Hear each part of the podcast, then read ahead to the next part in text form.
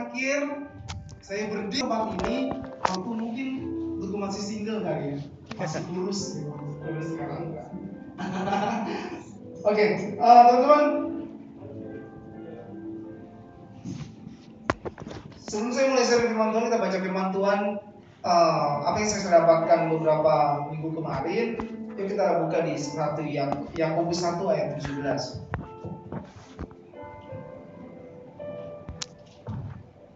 Yakobus 1 ayat 17. Nah, oke saya bacakan. Setiap pemberian yang baik dan setiap anugerah yang sempurna datangnya dari atas, diturunkan dari Bapa segala terang, padanya tidak ada perubahan atau bayangan karena pertukaran. Sekali lagi, saya bacakan setiap pemberian yang baik dan setiap anugerah yang sempurna datangnya dari atas, diturun dari Bapa padanya tidak ada perubahan atau bayangan kami. Teman-teman, pertama saya mau bilang bahwa segala sesuatu itu datangnya dari Tuhan. Awalnya dari Tuhan.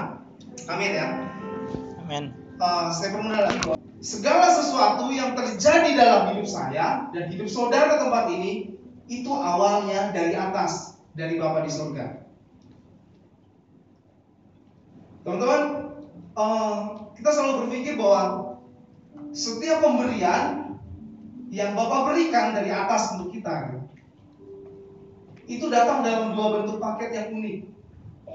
Dalam paket yang menurut kita itu baik, dan yang kedua paket yang menurut pemikiran kita, menurut cara pandang kita itu kurang baik.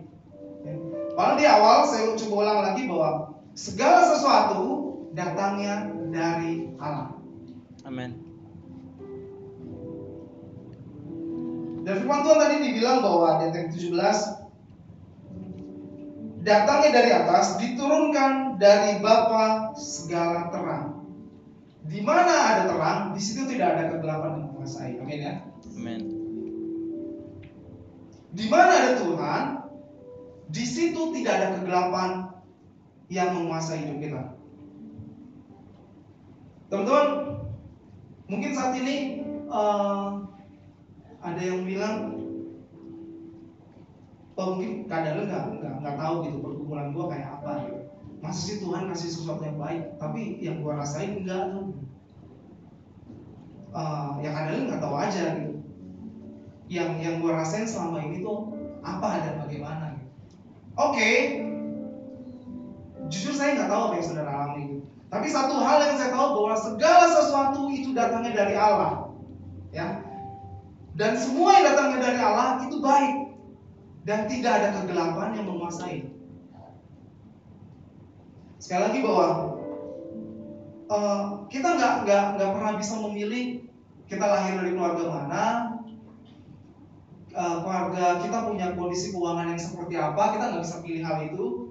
Kita nggak bisa pilih kita tinggal di lingkungan yang seperti apa, kita nggak bisa pilih saya jadi orang uh, jadi orang Chinese kah, jadi orang bule kah, atau jadi orang Indonesia asli kah, kita nggak pernah bisa pilih itu.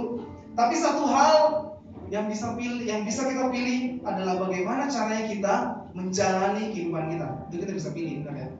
Sekali lagi, kita nggak bisa pilih, saudara dan saya nggak bisa pilih apa yang akan kita hadapi di depan.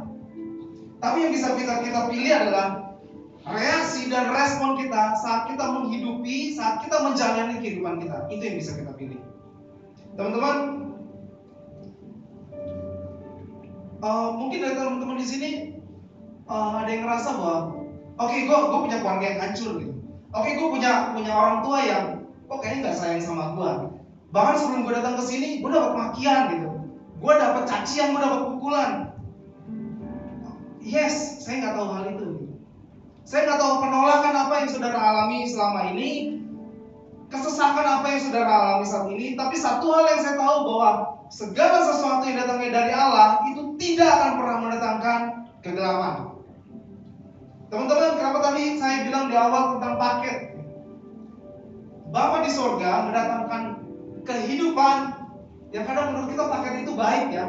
kayak hidup kita enak-enak aja. Tapi ada sesuatu paket yang bungkusnya. Kadang kita pikir, loh kok gini sih Tuhan? Loh kok, kok kayaknya kok hancur sih Tuhan gitu. Tapi kita nggak pernah melihat isi di dalam paket itu cuma dan bungkusan. Ya. Teman-teman, saya pun juga mengalami hal itu. Yang namanya tantangan, yang namanya pergumulan, kita semua pasti alami itu dan kita nggak bisa menghindari. Tapi yang bisa kita lakukan adalah respon kita saat kita menghidupi tantangan yang seperti apa. Ya, kita masing-masing punya tantangan masing-masing, kita masing-masing punya pergumulannya masing-masing, kita punya kesesatannya masing-masing. Sekali lagi saya mau bilang karena ini penting, apa yang datang dari atas, yang datang dari Tuhan, tidak ada kegelapan yang bisa menguasai Oke, okay? teman-teman, saya bisa pilih saat saya menghadapi tantangan, saya mengucap syukur kepada Tuhan, dan saya percaya bahwa apa yang Tuhan beri ke saya itu sebenarnya adalah pecahan atau kepingan puzzle yang satu persatu Tuhan berikan yang kalau sudah berkumpul lengkap itu akan menjadi gambaran yang indah. Ya. Atau saya bisa memilih bahwa masa lalu saya, bahwa pergumulan saya, bahwa kekacauan hidup saya itu yang mendominasi hidup saya dan akhirnya saya terikat dan hancur dan semakin hancur. Pilihan ada di tangan saya. Dan itu pilihan ada di tangan saudara. Saya lebih percaya bahwa setiap permasalahan hidup saya itu adalah kepingan puzzle yang Tuhan berikan yang nanti akan terkumpul semuanya dan itu akan jadi kumpulan yang indah kumpulan yang lengkap gambaran yang indah untuk masa depan saya teman-teman sekali lagi saya tekankan bahwa the choice is yours gitu. pilihan itu tangan saudara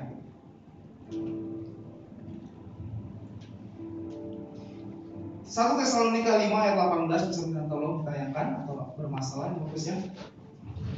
Soalnya saya dipinjamkan Alkitab sama yang nih, hal itu biasa kepala. Ini karena kepala saya ini pingsan. Oke, satu ya, satu Tesalonika 5 ayat 18. Atau ada yang udah sudah dapat bisa tolong berdiri dan bacakan teman-teman yang lain. Satu Tesalonika 5 ayat yang ke-18. Oke, karena ini pasti setiap minggu selama sebulan ini tuh selalu dibuka benar ya. Oke, mau ada yang berdiri baca? Coba-coba baca firman Tuhan lu aja, lu aja. Eh, enggak. Ini biar saya baca ya. Nanti dapat coklat.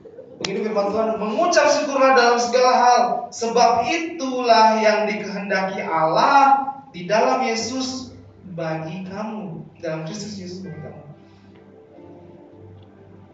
Bro and sister, yang Tuhan kehendaki mengucap syukurlah dalam segala hal.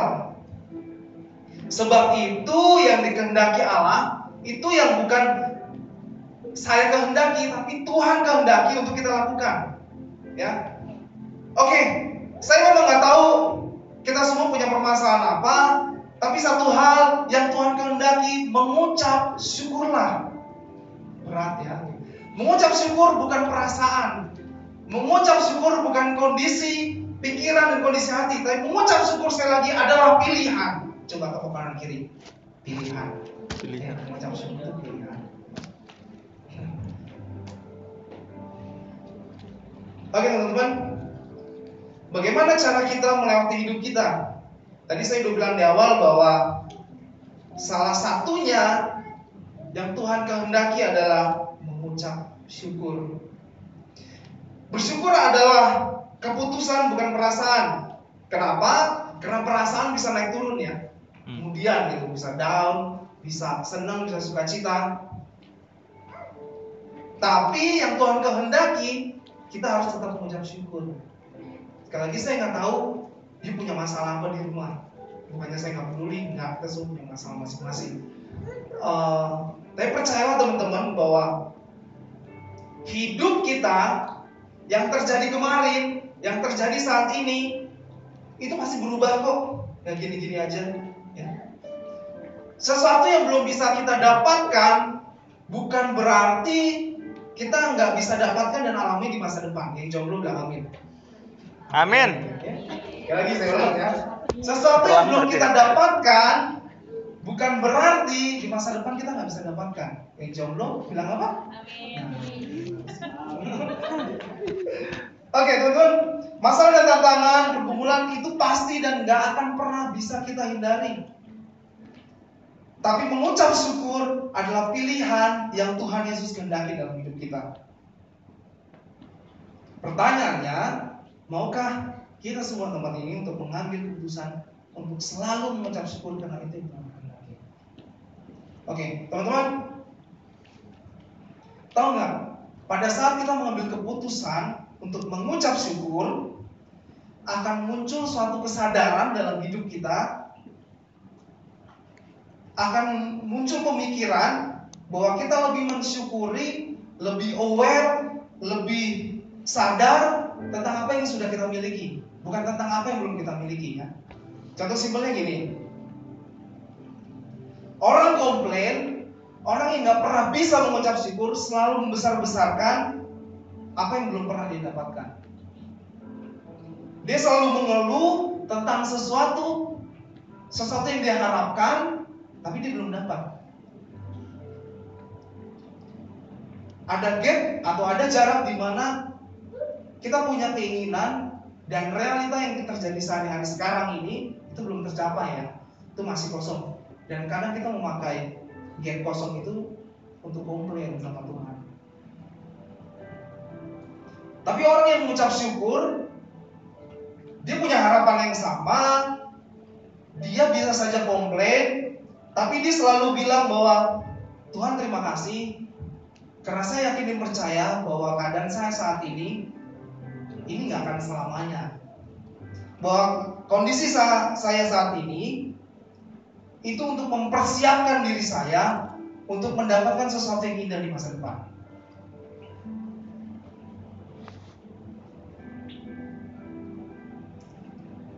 Di Mazmur 118 ayat 1 bilang seperti ini bahwa mengucap syukurlah sebab Tuhan baik.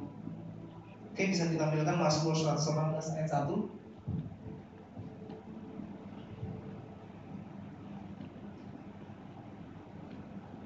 Ya, Mazmur 118 ayat 1 bilang gini, bersyukurlah kepada Tuhan sebab ia baik. Firman Tuhan nggak bilang mengucap, mengucap syukurlah pada Tuhan sebab kondisi saya baik. No, no, enggak. Tuhan nggak bilang itu. Tuhan nggak bilang mengucap syukurlah sebab keuanganmu baik. Enggak. Firman Tuhan nggak bilang itu. Mengucap syukurlah karena keluargamu baik. No, Tuhan nggak bilang itu. Yang Tuhan bilang mengucap syukurlah sebab aku baik. Fokus kita pada saat mengucap syukur Tuhan. Karena Tuhan baik. Saya baca. Bersyukurlah kepada Tuhan sebab Dia baik. Bahwasanya untuk selama-lamanya kasih setianya. Wow. Kasih setianya sampai selama-lamanya, Bos. Mungkin kasih orang tua kita, kasih pasangan kita itu bisa habis, bisa expired. Tapi Tuhan dengan tegas bilang, kasih setiaku sampai selama-lamanya. Amin. Sekali lagi, mengucap syukur bukan karena kondisi kita yang baik, tapi tapi mengucap syukur terus kita kita tahu kita sadar Tuhan itu baik. Men kalau lu tahu Tuhan apa yang sudah Tuhan lakukan ribuan tahun yang lalu, dia turun ke dunia cuma buat nyelamatin lu gitu secara personal, gila. Lu gak punya alasan lain untuk mengucap syukur kecuali alasan itu. Ya. Saat lu tahu apa yang Tuhan Yesus lakukan 2000 tahun yang lalu kira-kira dia dicambuk, dia dipukul, dia diludahi, lihat Tuhan loh, dia mau cuman buat apa ya ngerangkul Yopir dan bilang Yopir kamu diselamatkan aja malah sesungguhnya saya dan saudara itu sangat nggak layak untuk diselamatkan. Serius siapa sih nggak pernah bikin dosa setiap hari? Dosa ya dosa itu cuma tidak tapi pemikiran bagi laki-laki. Dosa yang mau dikit di jalan aja lu ngomong ngomong laki itu kaca ngomongnya mengucap bersyukurlah dalam segala hal, sebab itu yang dikehendaki oleh Allah. Itu bisa satu Tesalonika sebelumnya.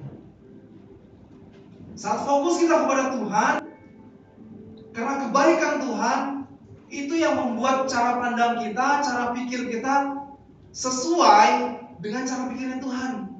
Enggak dengan cara pemikiran kita pribadi, tapi itu apa ya?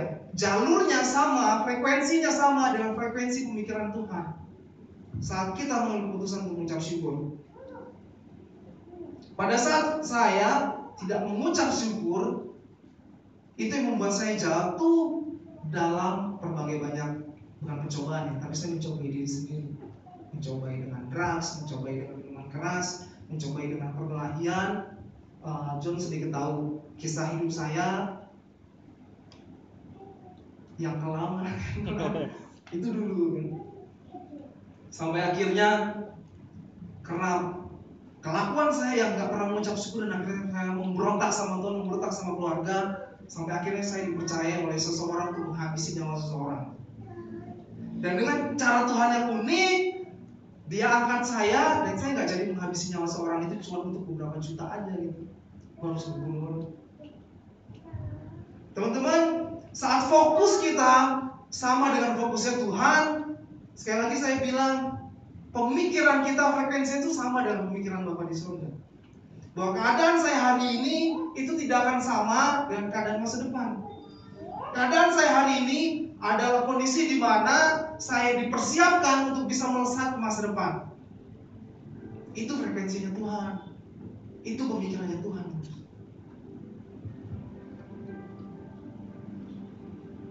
Pada saat kita mengucap syukur, fokus kita senantiasa kepada kebaikan Tuhan. Roma 8 ayat 28 Kita coba baca Roma 8 ayat 28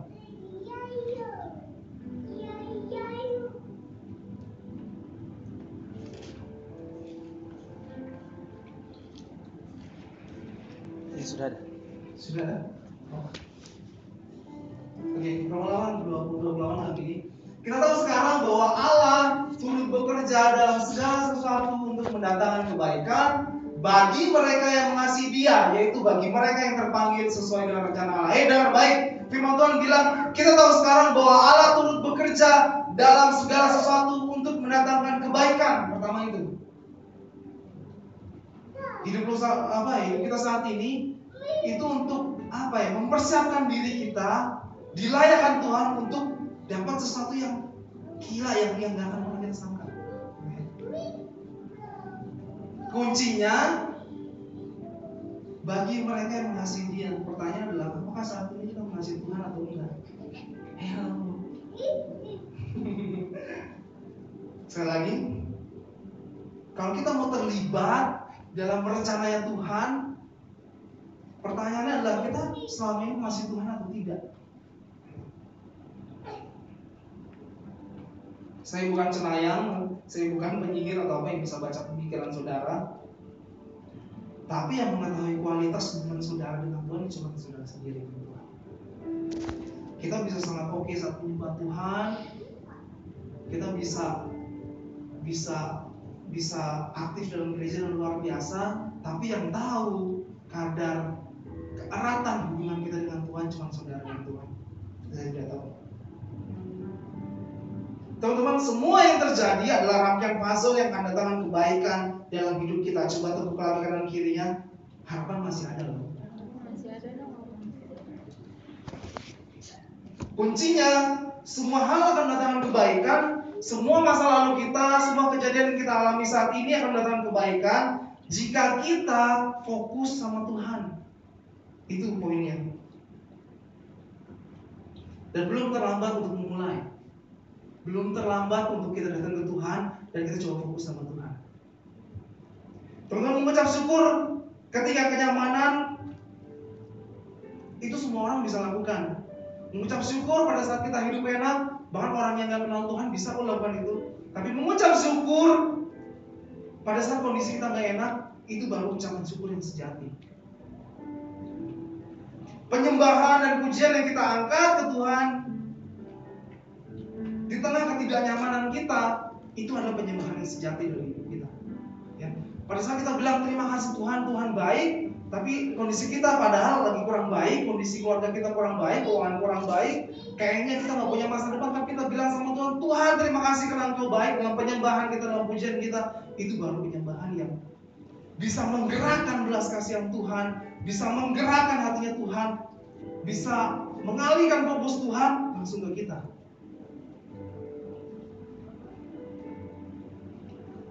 Sekali lagi saya saya nggak tahu ya saat kita datang ke sini kita mengalami apa di jalan, uh, diapakan semua orang, atau ya saya nggak tahu kita pernah mengalami pelecehan apa, kita pernah disakiti dalam bentuk apa oleh orang yang kita kasihi. Tapi Tuhan bilang mengucap syukurlah sebab aku baik.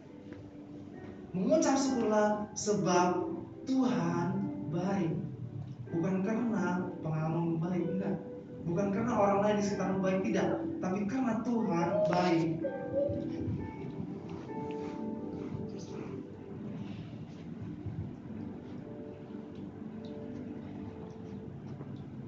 Saya uh, kuat sekali itu bilang bahwa kalau memang ada saudara yang di tempat ini pernah merasa dilecehkan, bukan merasa mengalami pelecehan, Tuhan bilang bahwa aku baik.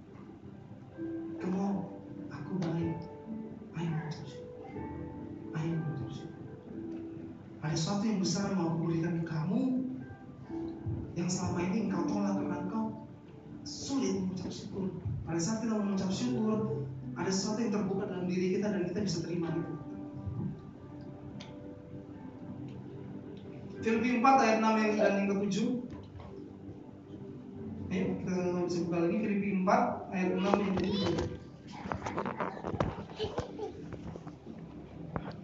Janganlah hendaknya kamu khawatir tentang apa pun juga, tapi nyatakanlah dalam segala hal keinginanmu kepada Allah dalam doa dan permohonan dengan ucapan syukur. Ya, teman-teman, lu punya masalah apa? Gue mau bilang, ini saatnya kita berdoa, datang ke Tuhan dengan ucapan syukur, bukan dengan komplain, bukan oh Tuhan kok kok begini sih, Tuhan kok rencanamu begini sih. No, Tuhan bilang bahwa kita mau khawatir, kita doa, nyatakan keinginan kita kepada Allah dalam doa dan permohonan dengan ucapan syukur. Kenapa? Jawabannya ada di ayat 7. Di ayat 7 bilang bahwa damai sejahtera Allah yang melampaui segala akal akan memelihara hati dan pikiranmu dalam Kristus Yesus. Pada saat kita mengucap syukur, kita datang ke Tuhan, kita berdoa, Tuhan terima kasih buat kasih setiamu. Roh dari Allah, roh dari surga itu menguasai kehidupan kita, melampaui segala akal. Itulah yang membuat orang tua yang anaknya dibunuh karena uh, tewas kejadian yang belum uh, lalu ya, itu bisa mengucap, bisa bilang, oke okay, saya mengampuni orangnya yang membunuh anak saya. Padahal secara duniawi gila mampu kan? Tapi sekali lagi, roh yang melampaui segala akal, segala logika, itu Tuhan akan memberikan kepada kita. Pada saat kita mengucap syukur, hati dan pikiran sesuai dengan firman Tuhan di ayat yang ketujuh akan dikuasai oleh roh Allah. Sekali lagi, pada saat kita mengucap syukur, kita berdoa mengucap syukur, ada sesuatu yang melampaui segala akal kita, akhirnya kita bisa Oke Tuhan, terima kasih saya mau, mau mengampuni orang tua saya. Oke Tuhan, terima kasih saya mau mengampuni orang yang menyakiti saya. Oke Tuhan, terima kasih saya mau mengampuni orang yang pernah melecehkan hidup saya. Melampaui segala akal. Yang orang dunia nggak bisa pikirkan hal itu, satu Tuhan kasih di pikiran kita. Dan roh yang dari Allah itu sendiri yang akan menguasai, memelihara saya punya hati dan pikiran itu sesuai dengan frekuensinya Tuhan yang tadi saya katakan di awal. Coba teman tepukin dadanya, hati dan pikiran sesuai dengan firman Tuhan. Hati dan pikiran. Masuk gitu, masuk. Sini aku tepukin. Teman-teman, kekhawatiran bisa datang dengan sendirinya. Ya, kekhawatiran, ketakutan itu bisa datang dengan sendirinya tapi mengucap syukur adalah pilihan yang bisa kita lakukan. Sekali lagi, kekhawatiran, ketakutan itu tidak bisa kita bendung, tapi pada saat kita mengucap syukur, sesuatu yang dari surga yang melampaui segala akal itu yang akan menguasai hidup kita, tidak pikiran kita. Di mana ada Tuhan, tidak ada kegelapan. Itu firman Tuhan yang saya bagikan di awal ya. Saya coba kembali ke ke, ke yang awal. Di mana ada Tuhan, di situ tidak ada kegelapan yang dapat menguasainya. Teman-teman, ucapan syukur akan mendatangkan damai sejahtera dari surga yang akan memegang kendali penuh hidup kita. Apa yang ada dalam hati dan pikiran itu yang akan terpancar keluar dan semua orang bisa melihat gila nih John keren banget, gila nih Yopir keren banget, gila nih Daniel keren banget, atau sebut mau gila nih orang keren banget, mau keadaannya sulit, mau keadaannya uh, mau keadaannya seperti uh, apa ya orang bisa anggap itu hancur, nggak ada pengharapan, tapi dia tetap ceria, dia tetap yakin bahwa Tuhan pegang kendali. Kenapa? Karena dia mengizinkan Tuhan untuk memegang kendali penuh hati dan pikiran dan dalam hati dan pikiran itu yang akhirnya terpancar keluar itu yang dirasakan. Amin. Amin. Teman-teman, itu yang membuat kita tetap kuat, tetap tegar dan optimis akan harapan dan masa depan. Kemampuan untuk mengampuni, kemampuan untuk belajar dari masa lalu yang melampaui segala akal, um, segala akal dan di luar apa yang manusia pikirkan, itu yang Tuhan akan sediakan buat kita. Karena memang Tuhan bilang apa yang pernah timbul dalam pikiran, dalam hati, wah akhirnya itu Tuhan yang sediakan yang pernah kita dengar pun Tuhan bisa sediakan. Dan akhirnya kita ngerti karena kita bisa uh, satu fokus, satu arus, satu frekuensi dengan Tuhan kita bisa ngerti. Oh ini tuh maksud Tuhan kenapa dulu gue dikecewain sama orang. Oh ini tuh maksud Tuhan kenapa kehidupan dulu gue hancur ternyata untuk mempersiapkan diri gue untuk melangkah untuk mendapatkan sesuatu yang luar biasa sekarang ini. Dan gue yang percaya kita semua akan mengalami itu masa depan. Amin. Pada saat hati dan pikiran kita, kita izinkan Tuhan kuasai lebih lagi, maka rencana Tuhan itu akan sempurna dalam kehidupan kita. Eh coba sekarang kita mulai berhati-hati dalam komplain sama Tuhan. Mungkin pada saat kita dapat masalah, kita dapat pergumulan, pada saat lo komplain, mungkin aja akhirnya Tuhan malas sama hidup lo dan lo ditinggalin. Wow, itu yang paling ya. That's why gue mau punya masalah seberat apa pun, gue memaksakan diri gue untuk tetap mengucap syukur. Mengucap syukur artinya kita tetap stay dalam jalurnya Tuhan, dalam penciptaan, dalam apa ya? Dalam rencana Tuhan supaya rencana itu bisa terjadi dalam kehidupan kita. Eh ingat ini, Yusuf dijanjikan Tuhan, dimimpikan Tuhan untuk jadi pemimpin di bangsanya, tapi dia harus dijual oleh saudaranya, dia difitnah, ingin memperkosa dan akhirnya dia masuk penjara. Apa bedanya Yusuf dengan saudara dengan saya? Tuhan janjikan kita, wah banyak firman Tuhan, engkau diberkati, engkau naik jadi kepala bukan ekor. Ada banyak firman Tuhan yang dijanjikan ke kita. Tapi kok sekarang gua ngalami itu ya dengar baik.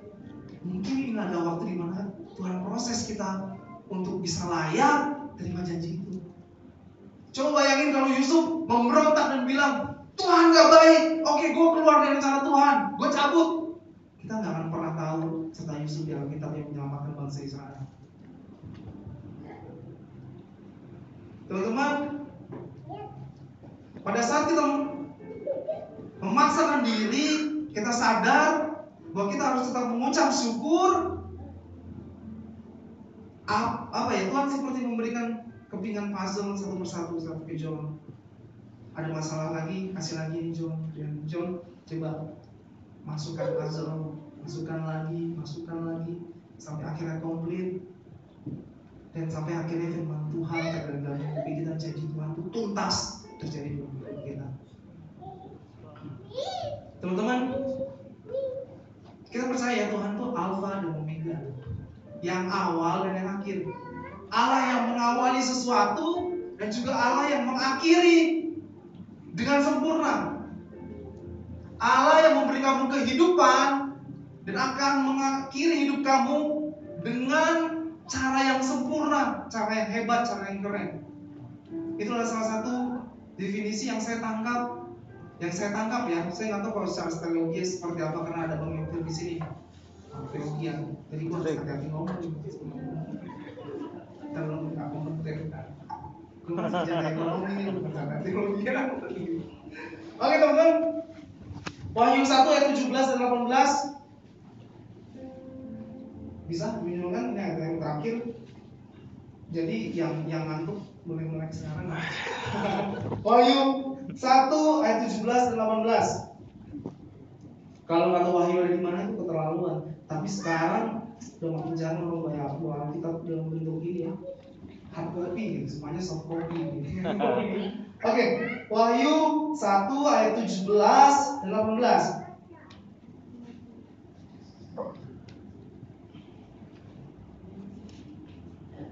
Oke, ini firman Tuhan. Ketika aku melihat dia, tersungkurlah aku di depan kakinya.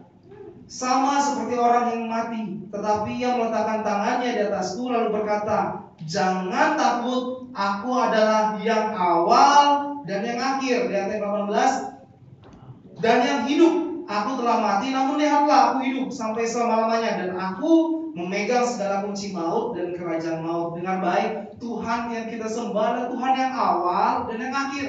Tuhan yang akan mengawali kehidupan kita dan akhiri dan akan mengakhiri hidup kita dengan sesuatu yang luar biasa. Pertanyaan adalah mau nggak kita satu jalur dengan Tuhan? Kita mau mengucap syukur, fokusnya karena Tuhan itu baik bukan karena keadaan kita yang baik. Hmm. Eh bro, kalau Tuhan bilang segala kunci maut dan kerajaan maut ya pegang, apalagi kunci hidup lu. Bro. Gila, kunci maut aja dan, dan kerajaan maut Tuhan Yesus yang pegang. Apalagi cuma kunci yang buat ngebuka masa depan kita, yang memenuhi hidup kita Hmm. dengan keberhasilan dan masa depan, keberhasilan cita-cita kita. Ya. Tuhan bilang, aku adalah yang awal dan yang akhir dan yang hidup. Oh gila Tuhan itu Tuhan yang hidup loh, bukan Tuhan yang mati. Amin. Tuhan kita tuh Tuhan yang memegang kunci maut, kunci kerajaan maut. Amin. Kalau kunci maut aja Tuhan pegang, apalagi kunci hidup lu dan hidup gua ya. Ya elah, siapa sih Daniel, siapa sih Oke, sampai akhirnya Tuhan mau jadikan kita tuh sosok yang luar biasa. Teman-teman terakhir saya mau bilang, jangan berhenti hidup dalam rencana Tuhan. Jangan pernah menyerah dalam rencananya Tuhan, dalam pembentukannya Tuhan. Pada saat kita nggak mengucap syukur dan komplain, itu bisa aja saat di mana akhirnya Tuhan berpaling dari kita dan berpaling ke orang lain yang lebih Tuhan percayakan untuk dapat favornya Tuhan, dapat perkenannya Tuhan. Pertanyaannya adalah saat ini, apakah kita sudah jadi orang yang pantas mendapatkan perkenanan Tuhan? Jujur saya sangat takut kalau saya nggak dapat perkenanan. Saya sangat takut kalau saya kalau Tuhan tuh apa ya nggak berkenan untuk memberikan suatu rencana yang gila banget dalam hidup gue. Gue takut banget. Gue nggak mau jadi orang yang biasa-biasa aja. Gue di sini nggak bicara tentang keuangan, tentang pekerjaan, tapi gue sangat takut kalau gue jadi orang yang nggak bisa bergerak dalam akhir zaman ini untuk bisa dipakai Tuhan dengan luar biasa. Itu gue takut banget. Karena sekali lagi Tuhan yang bilang bahwa yang terpanggil banyak, tapi yang terpilih sedikit. Kita ngerasa melayani Tuhan, tapi nanti saat Tuhan datang terus siapa gue nggak kenal lu. Gila itu rasanya, bro.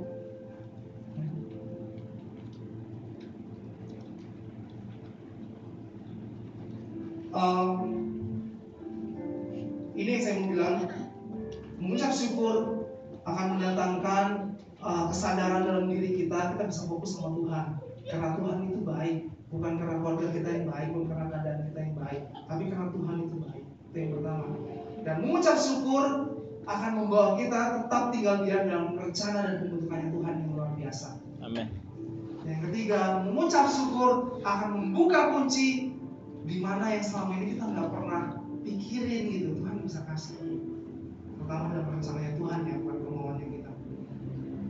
Oke, uh, kita dulu kita berdoa. Tuhan. Ya teman-teman kita coba mengucap syukur usah lihat kanan kiri, kita coba bilang Tuhan terima kasih Tuhan Yesus terima kasih ya Tuhan Engkau sudah baik Apa yang sudah Engkau lakukan 2000 tahun yang lalu cuma untuk menyelamatin gue buat, emang siapa gua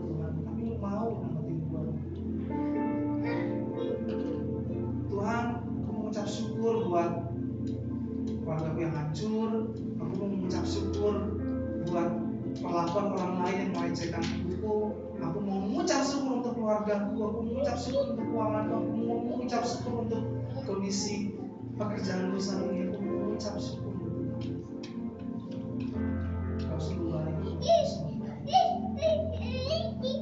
Teman-teman, kita belajar dulu kekuatan perkataan pengucapan syukur.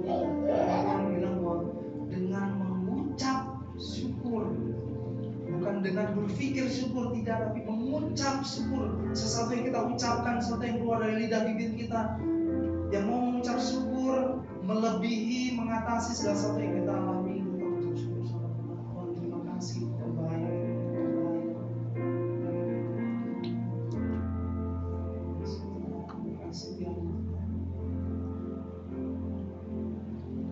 ini ada waktu di mana